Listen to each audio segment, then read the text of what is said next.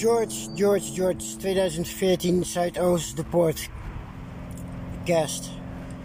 Ik leerde George kennen in de Poort. Een Engelsman, was een prostituee geweest voor vrouwen. Sliep in een portiki, waarbij ik ook mocht slapen. We bouwden een hechte vriendschap op. We lagen soms naast elkaar en keken films, belegden, lazen boeken. En er was ook een periode dat ik drie dagen ernstig ziek was dat hij voor mij zorgde. Ik ging intensief met hem om. Ik leerde hem goed kennen. Maar ik leerde ook zijn pijn en verdriet kennen. Ik wist dat hij methadon gebruikte en alcoholverslaving had en ook medicinale heroïne gebruikte. Surinamers hebben een goede reukvermogen. En Surinamers die klagen nogal als je stinkt.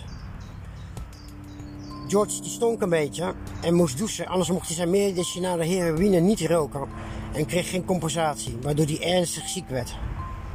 Hij vroeg wel eens medicatie aan me, maar dat gaf ik dan niet aan hem, want dat had ik zelf nodig, waar ik eigenlijk nu nog spijt van heb. George is helaas overleden en dit is op een hele vreemde manier gebeurd. Op een zekere dag sprak ik George en toen was ik opgenomen in de winteropvang en ik probeerde hem te overtuigen om dat ook te gaan doen, om hem te helpen. Maar hij zei, ik heb het al opgegeven. Hij zat aan een boomstam bij een boom tegenover een restaurant en we aten wat. We dronken een biertje en wat. En we, en wat, we mompelden wat tegen elkaar en, wat, en we streden wat tegen elkaar. Ik zei tegen mijn maat, morgen zie ik je. Dan praten we, dan eten we. Het gaat je goed, ik zie je morgen. Eenmaal aangekomen, thuis, ben ik rustig naar mijn bed gegaan en opgestaan. De volgende dag ben ik in de poort gereisd naar de plek van afspraak. En toen zag ik in de verte dat daar bloemen, ballonnen en dat de boom ingekleurd was.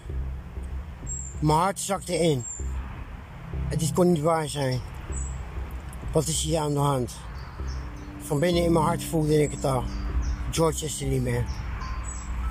En ik las de tekst George, we zullen je nooit vergeten. Ik was in rep en roer. Ik was over de rode. Ik schilde heel de poort bij elkaar. Moordenaars, moordenaars. Dit heeft de GGZ gedaan. Ik viel de GGZ aan. Ook waar, waar ik ze ook zag. Ze legde bloemen, sarcastisch, bij de plek waar hij was gestorven. Hij was doodgevroren. Maar ik weet hoe hij ten einde is gekomen. Hij is vermoord. Door medisch mishandelen. Rara wat er met al zijn geld is gebeurd. Dat zal ik nooit weten, want alles is naar de Fibu gegaan. Dit is een ernstige manier om een vriend kwijt te raken door de oorzaak van de GGZ.